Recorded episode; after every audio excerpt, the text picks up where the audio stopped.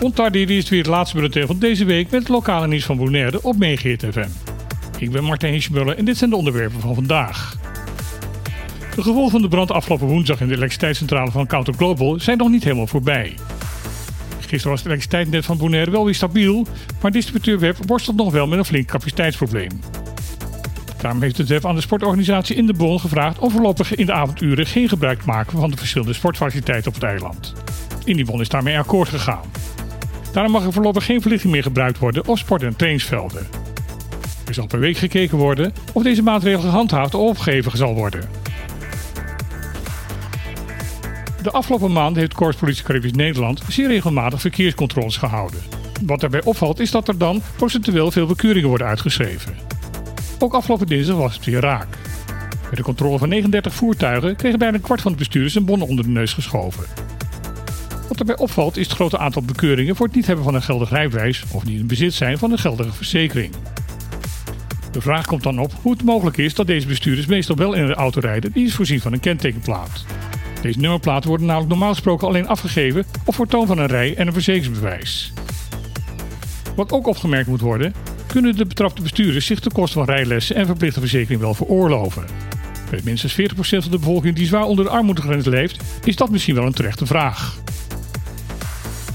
Zonder openbaar vervoer op het eiland zijn de meeste mensen op Bonaire genoodzaakt om er een auto op na te houden. Zeker nadat door een aantal dodelijke ongelukken de afgelopen tijd is aangetoond dat fietsen en scooter op dit eiland een risicovolle uitdaging is. De verkeerscontroles van de politie tonen in elk geval aan dat in het belang van de veiligheid van het verkeer daar nog een aardig dilemma ligt voor de lokale en rijksoverheid. Wat misschien daarbij kan helpen is dat de minister van Armoedebeleid Carole Schout heeft aangekondigd dat er dit jaar 2,5 en vanaf volgend jaar 5 miljoen beschikbaar komt om inwoners van Caribisch Nederland met financiële problemen te helpen. Dat blijkt aan de voortgangsrapportage die de minister vandaag aan de Tweede Kamer heeft gestuurd. De rapportage stelt Schouten dat de armoede in Caribisch Nederland groot is en dat aanpak van geldzorgen, armoede en schulden in de BES een prioriteit voor het kabinet is. Daarom stelt zij dat de doelstelling van de regering is om de komende tijd de armoede op de BES op zijn minst te halveren. Mede door de grote inflatie het laatste jaar zijn echter de armoedeproblemen de laatste tijd alleen maar erger geworden. Daarom is er nu extra geld beschikbaar gesteld om daar iets aan te kunnen doen. Schouten zegt in gesprek te gaan met nieuw eilandsbesturen waar en hoe het geld ingezet kan worden. Wellicht kan er nou ook iets gedaan worden aan de door de armoede veroorzaakte onveiligheid in het verkeer op Bonaire. Niet alleen Bonaire heeft te kampen gehad met stroomstoringen.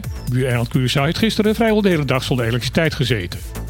Net na 1 uur in de middag viel op het hele eiland de stroomvoorziening uit. Deze storing duurde in diverse plekken op het eiland tot middernacht. Volgens water- en elektriciteitsbedrijf Aqualectra werd de storing veroorzaakt door een probleem in een van de hoofdkabels. Net zoals Depo Bonaire wordt ook Aqualectra geconfronteerd met leveringsproblemen door de hoge temperaturen van de laatste weken. Op diverse plekken op Curaçao werden gisteren temperaturen gemeten van 37 graden. Elk jaar in deze warme periode kampt Curaçao met meerdere blackouts. Bij een hoge vraag aan elektrische energie blijkt het stroomnet nog steeds erg instabiel en kwetsbaar te zijn. Aqualectra heeft al meerdere keren beterschap beloofd, maar ziet tot nu toe geen kans om deze belofte ook na te komen. Ongetwijfeld zal de storing van gisteren weer voor de nodige vragen zorgen in het parlement van het buureiland. Dit was weer het lokale nieuws van vandaag op Megahit FM. Morgen op deze zender van 12 tot 2 weer het programma op de klippen. In elk geval hebben we dan Vera Dome op bezoek. Zij is directrice van de basisschool Het Koraal. Deze school voor kinderen die speciale aandacht nodig hebben, kreeg vorige week het bericht voortaan volledig bekostigd te gaan worden. Als je daarna gaat luisteren aan de radio of live in Club Tocadero, dan graag tot morgen en anders heel graag weer tot maandag.